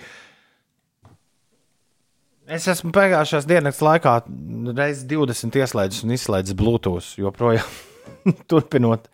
Bet kā? Bet, par uh, nu jā. Nu, Tas jā. ir tāpēc, ka tev tā tumbiņām slēdzas klāt. No jā. austiņām, mm, televizoram, vēl vis kaut kam. Jā, nu, nezinu īsti, kā tur palīdzēt. Jo to tehnoloģiju tu nelieto tikai vienai aplikācijai. Bet, eh, bet jā, es ar nepacietību gaidu pirmo stāstu, kad eh, šī aplikācija būs tiešām palīdzējusi kādam. Nu, un ar to tiks izsakots kaut kas. Tas šobrīd pietrūkst, lai, lai tiešām šo atzītu par absolūtu triumfu. Nu, aplikācijā vajadzētu vēl mazliet vairāk lietotājus. Lai tas būtu. Nu, lai būtu vēl lielāka iespēja. Ai, Aigars sāk. Aigars par to personu mm, datu ievākšanu restorānos vai kinoteātros vai, vai jebkur, kur tu aizēji un kur pastāv risks inficēties.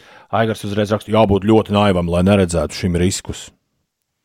Rekomendācija raksta līga, ka pirmajā vilnī kontaktus vāc skaistumkopšanas salonos, tetovētāji un tam līdzīgi. Bet jā. mēs jau joprojām esam pirmajā vilnī. Jā. citu. Bet jā, tāda lieta tā tad ir bijusi. Cik vakar bija inficēti? Viens. Hmm. Man liekas, ja es pareizi atceros. Okay. Applikācija man nekad nav darbojusies, jo Bluetooth vienmēr ir aizņemts. Nē, Bluetooth var apkalpot, man liekas, vairākas aplikācijas kopā. Nu, jā. Klausies un lieto pulksteni vienlaicīgi. Nu, jā. Ir 12 minūtes pāri pusdien astoņiem. Kur bija jau Kristaps raksta, ka ir jau palīdzējusi tā aplikācija. Mm, ok.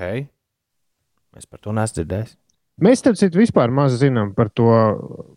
Es lasīju ļoti interesantu rakstu par to, kā darbojas šis te, uh, nu, izsekošanas dienests Islandē. Jo Islandē no ļoti, ļoti struntīgas situācijas diezgan ātri tika pie diezgan pozitīvas situācijas. Bet kā viņi uzrīkoja tādu štābiņu, nu, es zinu, ka tur, droši vien tur ir diezgan daudz slepenas informācijas un tā, bet nu, nu, kā, nu, ir uh, cilvēki, kas, kas reāli dzen pēdas šiem inficētajiem.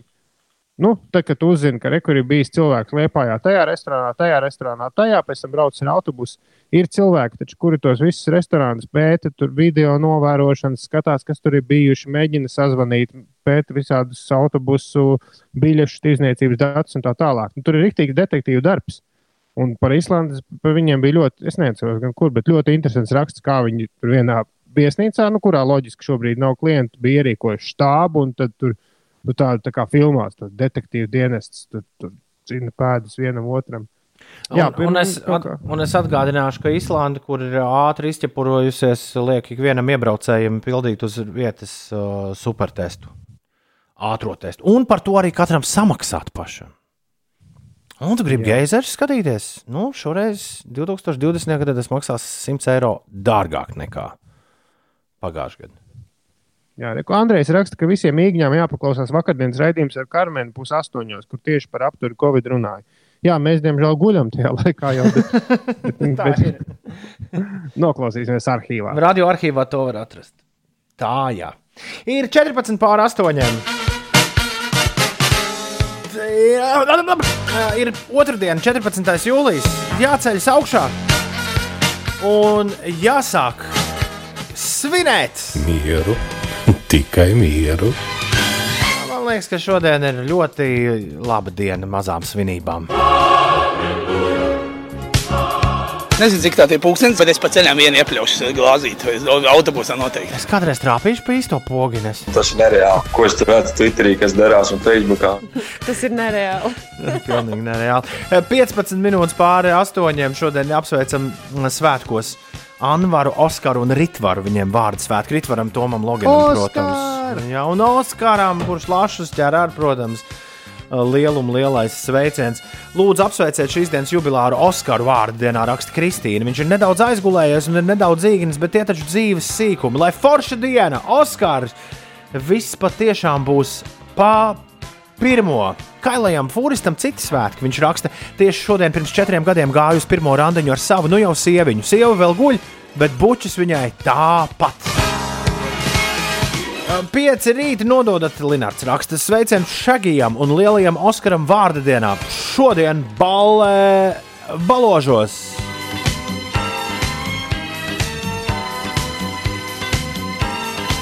Šodien Santai Ančai, žurnāla Santa līdzīpašniecei un galvenajai redaktorai daudz laimes dzimšanas dienā no Glīs seriāla. Un, uh, viņa arī izrādās kaut kādas TV spēles vadot. Džēnai Linčai šodien dzimšanas diena.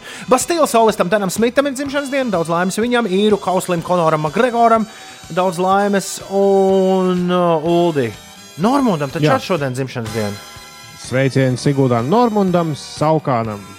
Un pirms septiņiem gadiem, lai arī kā gribētos teikt, ka šajā rītā, bet tas uh, nebija šajā rītā. Uh, pirms septiņiem gadiem uh, šīs Pie dienas dzemdību nama. Jā, pēc dzemdību nama šīs dienas noslēgumā sākās tas, kas nu ir pazīstams kā 5 LV. Septiņi gadi ir apritējuši. Daudz laimes, Uldī! Daudz laimes, Ines! Paldies, tev arī daudz laimes. Šī ir īstā dziesma. Uh, Nav, bet, pak, ir smieklīgi. Pak, pak, pak, pak. Tev šodien dzimenīte, zied ārā pienenīte, es mīļi tevi sveicu un apsveikumu. Un viss veicu. kopā tev šodien dzimenīte, zied ārā pienenīte. Es mīļi tevi sveicu un apsveikumu beidzu. Kāpēc es sabojāju to dziesmu? Nu, ne, nu- Ritmu? Ne, tu varēji dziedāt visu laiku. Nu, nekas. Tur pēc tam bija raps kaut kāds. Jā, jā, jā, un, un, un Aminata dziedāja. Šajā īpašajā dienā, kad atkal pagājis gads un parādījies atkal jauns sirds, mats, es vēlos pateikt tikai, tikai, tikai vienu - svini kārtīgi savu dzimšanas dienu, lai rūkums, kas sirdī izzūd pavisam un uz viesību galda viss atliku likām, lai izdodas iecerētā špagata, bet vēlējumu tev steidz dziedāt. Aminatā. Tev šodien dzīmenīte, ziedārā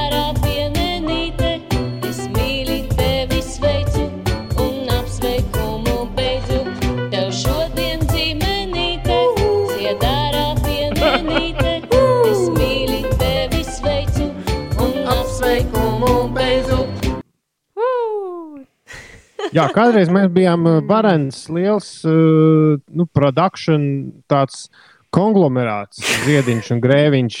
Radījām šādus te produktus, bet tā kā mūsu apgrozījums visu laiku bija nulle vai zem tās, tad, Jā, ar, sto, ar, tas stoku, ar stoku Eitkenu un Watermanu. Lai izdodas iecerētā špagata. Jā. Jo Aminēta bija grūti atrast tādu skaņu vārdu Aminēta. Uh, jā, Bet jā, pēc vakariņām laiks rotaļām. O! Kā viesībās ierasts tādām nedaudz padraiskām. Re, šodien šeit pilns ar dāmām skaistām. Demonstrēsim modes, nē, labāk limonādi laistām. Bet, ja uznāk pēcāk nogurums, lūk, filmu plaukts, šitā laba sauc uzbrukums. Ak, Dievs, sanāk taču pilnīgs trakums, ja tortis vietā sāk izgarot pamatīgs degums. Izrādās, bija vēl viens pantiņš. Ah, Es pirms desmit gadiem pirmo reizi tikos ar savu mīlestību. Raksta cits Andris. Tagad jau seši ar pus gadus katram savu dzīvi. Auč! Ar pirmo mīlestību, nevis ar, vien, ar vienīgo. Labs Nu. rīts, sveiciens septiņos gados. A šī dzimšanas dienas apsveikuma dziesma kaut kur publiski ir pieejama, prasa lieliskā. Ja mēs tiešām vairs, jo konglomerāts vairs nekad neko jaunu nedarīs, tad jau lēnām kaut ko varētu YouTube salikt. Šodien zīmenīte, ziedārā pienenīte. Vienīgi mums ir jāzvan aminētai un jāprasa atļauja. Un es neesmu pārliecināts, ka viņi ir baigi priecīgi ik reizi, kad mēs šo spēlējam. Es mīlu tevi, sveicu un apsveikumu. Un tagad tikai jāminēt dzied. Tev šodien pienenīte. Un tagad tikai Uldis. Es mīlu tevi, sveicu un apsveikumu. Ai, ugunsdzēsējs! Patiešām bija pikts, nu un ka galdā tik daudz laba likts. Nodoms jau patiešām bija dikti labs, bet atkal sanākušas viena klapa tas, un ikvienam no šī gadījuma būs daudz ko mācīties. Dzimenītis jāsvin pie dabas pie kādas krācītes, un lūdzu, draugs, liec aiz auss.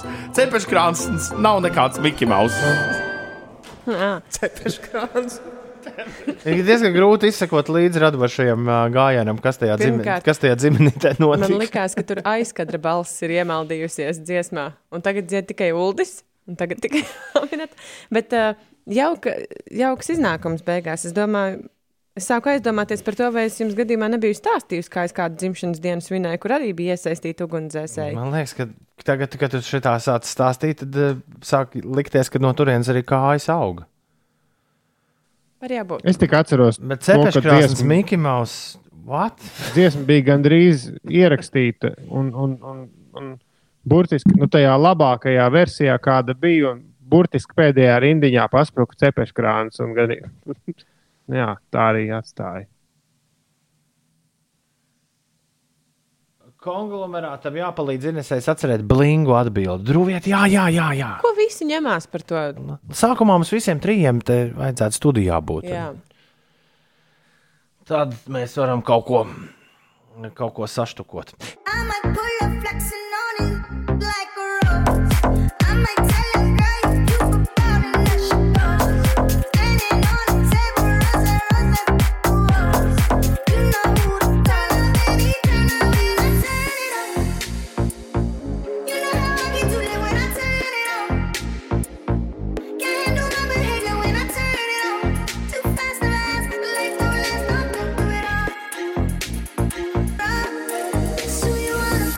Imants remiksē. John un. St. John arī bija jābūt pozitīvs festivālā šajā nedēļā. Nu, tam, kurš oriģināli tur Jā, pa, jā, par, jā. par vāvu ir pārtaisīts šajā šīs dziesmas versijā. Skaidrs. Bet uh, ik reiz dzirdot. Es nekad neesmu saklausījis ne vārdu, ko, ko viņš dzied Es pāni, mīni, mā. Es pēkšņi atcerējos, vakar es redzēju kaut ko. Vakar es savā mājās ulu redzēju kaut ko pavisam jaunu. Es man prasīju, ēst dēls. Mamma bija ar jaunāko. Es gribēju, ka viņa ar jaunāko bijusi frizēta, aizbraukusi. Everts man prasa, ēst. Es viņam iedodu avenes, viņš paņem avenes, paņem viņas tā kā zārku. un šito dungojot soļo ārā no istabas. Tagad, bet šis taču bija TikTok video, vai tad Nu, ne? jā, šis, nē, šis, ir no, šis ir no YouTube, laikam, cēlēs. Tikto kā pēc tam. Šis ir tas pats, kur sestdiena, aizpagājušā sestdiena es redzēju, kā arī. viņam iedevi šķīvīti nē, avenes? čet- Nē, nu kastītē. Viņš, viņš to kastīja tā kā zārciņu. Nu, jā, jā, es saprotu. Es stāstīju, aizpagājušā sestdienā, kurmenē diskotēkā. Es savukārt redzēju, ka četri jaunieši pacēla piekto un nes to apkārt uz deju zālē. Nu, tā šo dejo, jā. Es ceru, ka mēs mūsu festivālā arī noteikti uzfilmēsim, kā mēs dejojam. Pie šīs dziesmas. Kā mēs ulu nesam. Ulu, tu piekrīti? Varbūt kādu vieglāku. Hmm. Kur lai tādu atrod? Beig, beigās tad tomēr tevi, tevi nesīs Ines vīri. Visticamāk. Rīgā uz brīvības ielas notiek brīnumi. Vienu rītu mētājās lielie mīkstie rotaļlietu lāči, šodien atkal tikai jau pie šmērļa. Tur kāds video netiek Policijai ir darbs tos savākt. Tā ir kaut kāda akcija. Uh, labrīt, Kruspils ielā netālu no granīta ielas ir avārija. Inese ziņo, satiksme praktiski pilnībā ir apstājusies. Uh -uh. Ārprāts. Un Jāņķis nevar saprast, kā mēs tā varējām pirms mirkļa kaut gaili jau, jau astoņos no rīta. Ko tik nevar no paša rīta darīt? 8,49 Ines, kas notiek? Jūrmālas gatve mazliet sastrēgusi. Tas ir posms no dzirciem ielas uz eh, slokas ielu pa labi. Tur jākavējas 7 minūtes kārļa. Ulmaņa gatavē posmā no Ojāra Vāciešu ielas līdz vienības gatavē jāierēķina ceļā 6 minūtes. Un eh, Kalnciema ielā no Drēliņa ielas līdz eh, slokas ielai aptuveni 5 minūtes. Arī Vanšu tilts centra virzienā esot pārbraucams 5 minūšu laikā. Citviet viss mierīgi. Vēl Slavenais autoceļš Jēlgava Rīga posmā no Dalbas līdz eh, Jaunolainai ir jāpavada 14 minūtes. ASV Kalifornijas štata amatpersonas nolēmušas atjaunot vairākus ierobežojumus, lai samazinātu Covid-19 otro uzliesmojumu. Pēc iedzīvotāju skaita lielākajā štatā atkal pilnībā aizliegta restorānu, bāru, zoo- zoodārzu un arī citu izklaides vietu darbība iekštelpās. Pašmājās eh, gan par laikapstākļiem. Atsevišķās vietās Latvijā gaidāms īslaicīgs lietus, vairāk lietus mākoņu pēcpusdienā un vakarā būs kurzemes vidienē un zemgales eh, rietumos. Saula ik pa laikam aizseks eh, mākoņi, gaisa temperatūra pēcpusdienā būs plus 18, plus 23 grādi. Pārsvarā saglabāsies lēns vējš, Rīgā mākoņu daudzums palielināsies, pēcpusdienā samazināsies, bet vakarā atkal pieaugs. Un Galvaspilsētā nokrišņi nav gaidāmi. Būtīs lēns, mainīgi virziena vējš un gaisa temperatūra šeit plus 21, plus 22 grādi. Un naktī kā ar zvaigznēm Ines? Mm, labi. Man gan šķiet, ka nav. Bērnu divas stūris. Nav, nav, nav. Zvaigžņu nav, nav, nav. Izrādās nav. nav. Nav, nav, nav, nav. Roku okeāns. Vispār tādi pravieši viņi bijuši, nu, jo roku ok okeāns arī tikpat mierīgi varētu par, par roku mazgāšanu būt. Dziesma.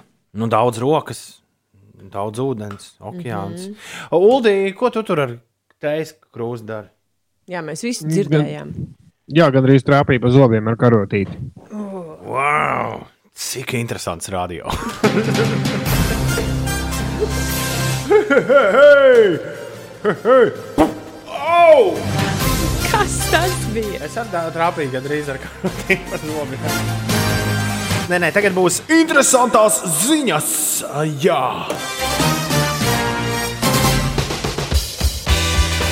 uzmanību, uzmanību! Atklātas staigājošas haizivis. Ko? Jā, es vienreiz ULDI materiālu sagānu priekš interesantām ziņām. Un ko es ieraugu, kas rakstīts scenārijā? Diemžēl virsraksts šajā ziņā ir interesantākā lieta. Nebija vērts rakstīt pārāk gari. Jā, Jā, bet es tiešām nojūtos, mēģināju izspiest no šīs ziņas kaut ko interesantu, un nu, nekas vairāk par virsrakstu nesanāk. Jo, Bet Toms tik ļoti centās no rīta. Viņš atsūtīja Nē, nē, mums chatiņā. Šķiet, ka šis ir interesanto ziņu saturs. Bet virsraksts tiešām ir interesants. Atklāta jauna staigājoša haizivju suga Austrālijā. Un tad tu sāc lasīt, ka izrādās, ka staigājošās haizivs ir neviena viena suga, kas ir pazīstama jau gadiem ilgi, kas pamazām šo te prasmi ir apguvušas, un staigāšana notiek mazos attālumos, uh, ūdenī. Tas viss ir pagaidām. Tas viss ir pagaidām. Pēc 200 Tas gadiem. tas haizivs ir maziņas. no Daugavas nāk. Aizjūs ārā. Es negribētu to piedzīvot, man liekas. Šodien uz ielā izveidojas sastrēgums, jo aizjūs plosās. Iet pāri ceļam. Ugun, ugunsdzēsējiem ir uzdevums savākt. Aizjūs iet ekskursijā uz Nacionālo bibliotēku. Apvienot, Tad, kad kāda no tām haizivīm noies tālāk par dažiem metriem un, un kaut vai pabāzīs degunu, sa- uz sauszemes. Tad dos turpinājumu šai Ok, ziņai. sarunāts. sarunāts. Apvienotajā karalistē, United Kingdom, pamazām tiek atvērti krodziņi un joprojām eh, tas ik nedēļu sagādā arī par kādai interesantai ziņai. Eh, Šoreiz stāsts par kādu pubu Kornvolā. Oi, tur skaisti! Kas tāpat kā pārējie Anglijas pubi atvēries pagājušajā sestdienā, taču saimniekiem nav izdevies tikt galā ar pintes kārajiem apmeklētājiem, kas vēlējušies drūzmēties pie bāra. Un tas joprojām ir aizliegts. Kā ziņo portāls Cornwall Live, tas jau gan ulu interesantās vietās meklē. interesantās ziņas. Kā ziņo portāls Cornwall Live, tā vietā, lai atalgotu apsargus vai ko citu, paba saimnieki bāra priekšā ierīkojuši elektrisko sētu, jeb tā saucamo elektrisko ganu. Tāpat Jā. kā lopiņiem. Mm -hmm. Kā saka, Nu, kro, kā saka krodziņa saimnieks, tas ir visu pašu labā, bet daži viesi kunga prātā esat dabūjuši arī pa pirkstiem. Jā. Šis ir ļoti labi. Bet iespējams, ka tas palīdz atžirkt. Es tā To domāju. vajadzētu vispār Jā. ieviest bāros, man liekas. Es uh, lūdzu, neatkārtojiet šo mājās, bet es reiz vienā slikti izolētā skatuvē, nu, kaut kā sporta spēlē, zināmā skatuvē zem klājas debesis. Jā, jā. Dabūju kārtīgi pa pirkstiem no skatuves, uh, s- nu, tām s- stalažām. Ai! Tas goda vārds pamodina labāk par jebkuru kafiju. Ai!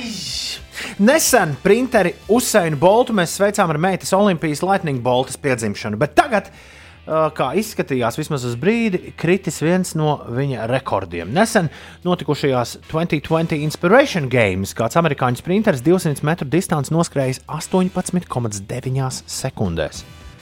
Kas negaidīti izrādījās par 0,21 sekundi ātrāk nekā šo distanci 2009. gadā noskrējis pasaules rekordists Usains Bolts.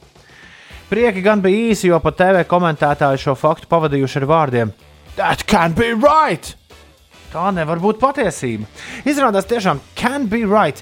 Amerikāņu sportists nejauši bija ievietots nepareizajā stadiona celiņā un 200 metru vietā noskrējis vien 185 metrus.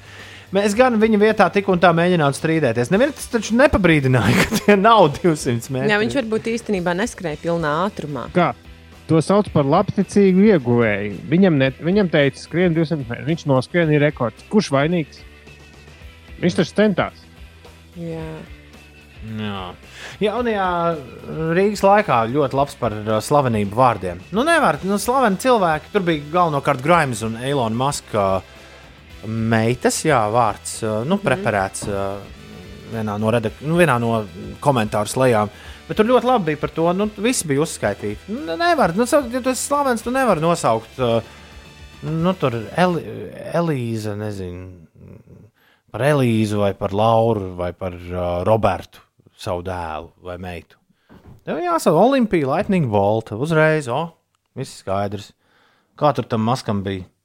Jo pat Tur pirmais- bija burbuļu un ciparu kombinācija. Divi PR kvadrātā vai kaut kas tāds. Jā, papētiet, kādi kanjē bērniem vārdi. Kā Kris Mārtiņš nosauca savus, savus atvasas džēzi ar Beyoncé. Nabaga bērni. Nē, viņi Nu, ne- nebūs. ne Viņi nabaga. Lai nu kas, bet viņi nabaga bērni nebūs stabili. Kāds jau droši vien notrālinās senču piķi, bet mēs tad būsim baigi veci, kad tas notiks. Paldies visiem par klausīšanos. Daudz laimes PCLV dzimšanas dienā, lai mēl 77 vismaz.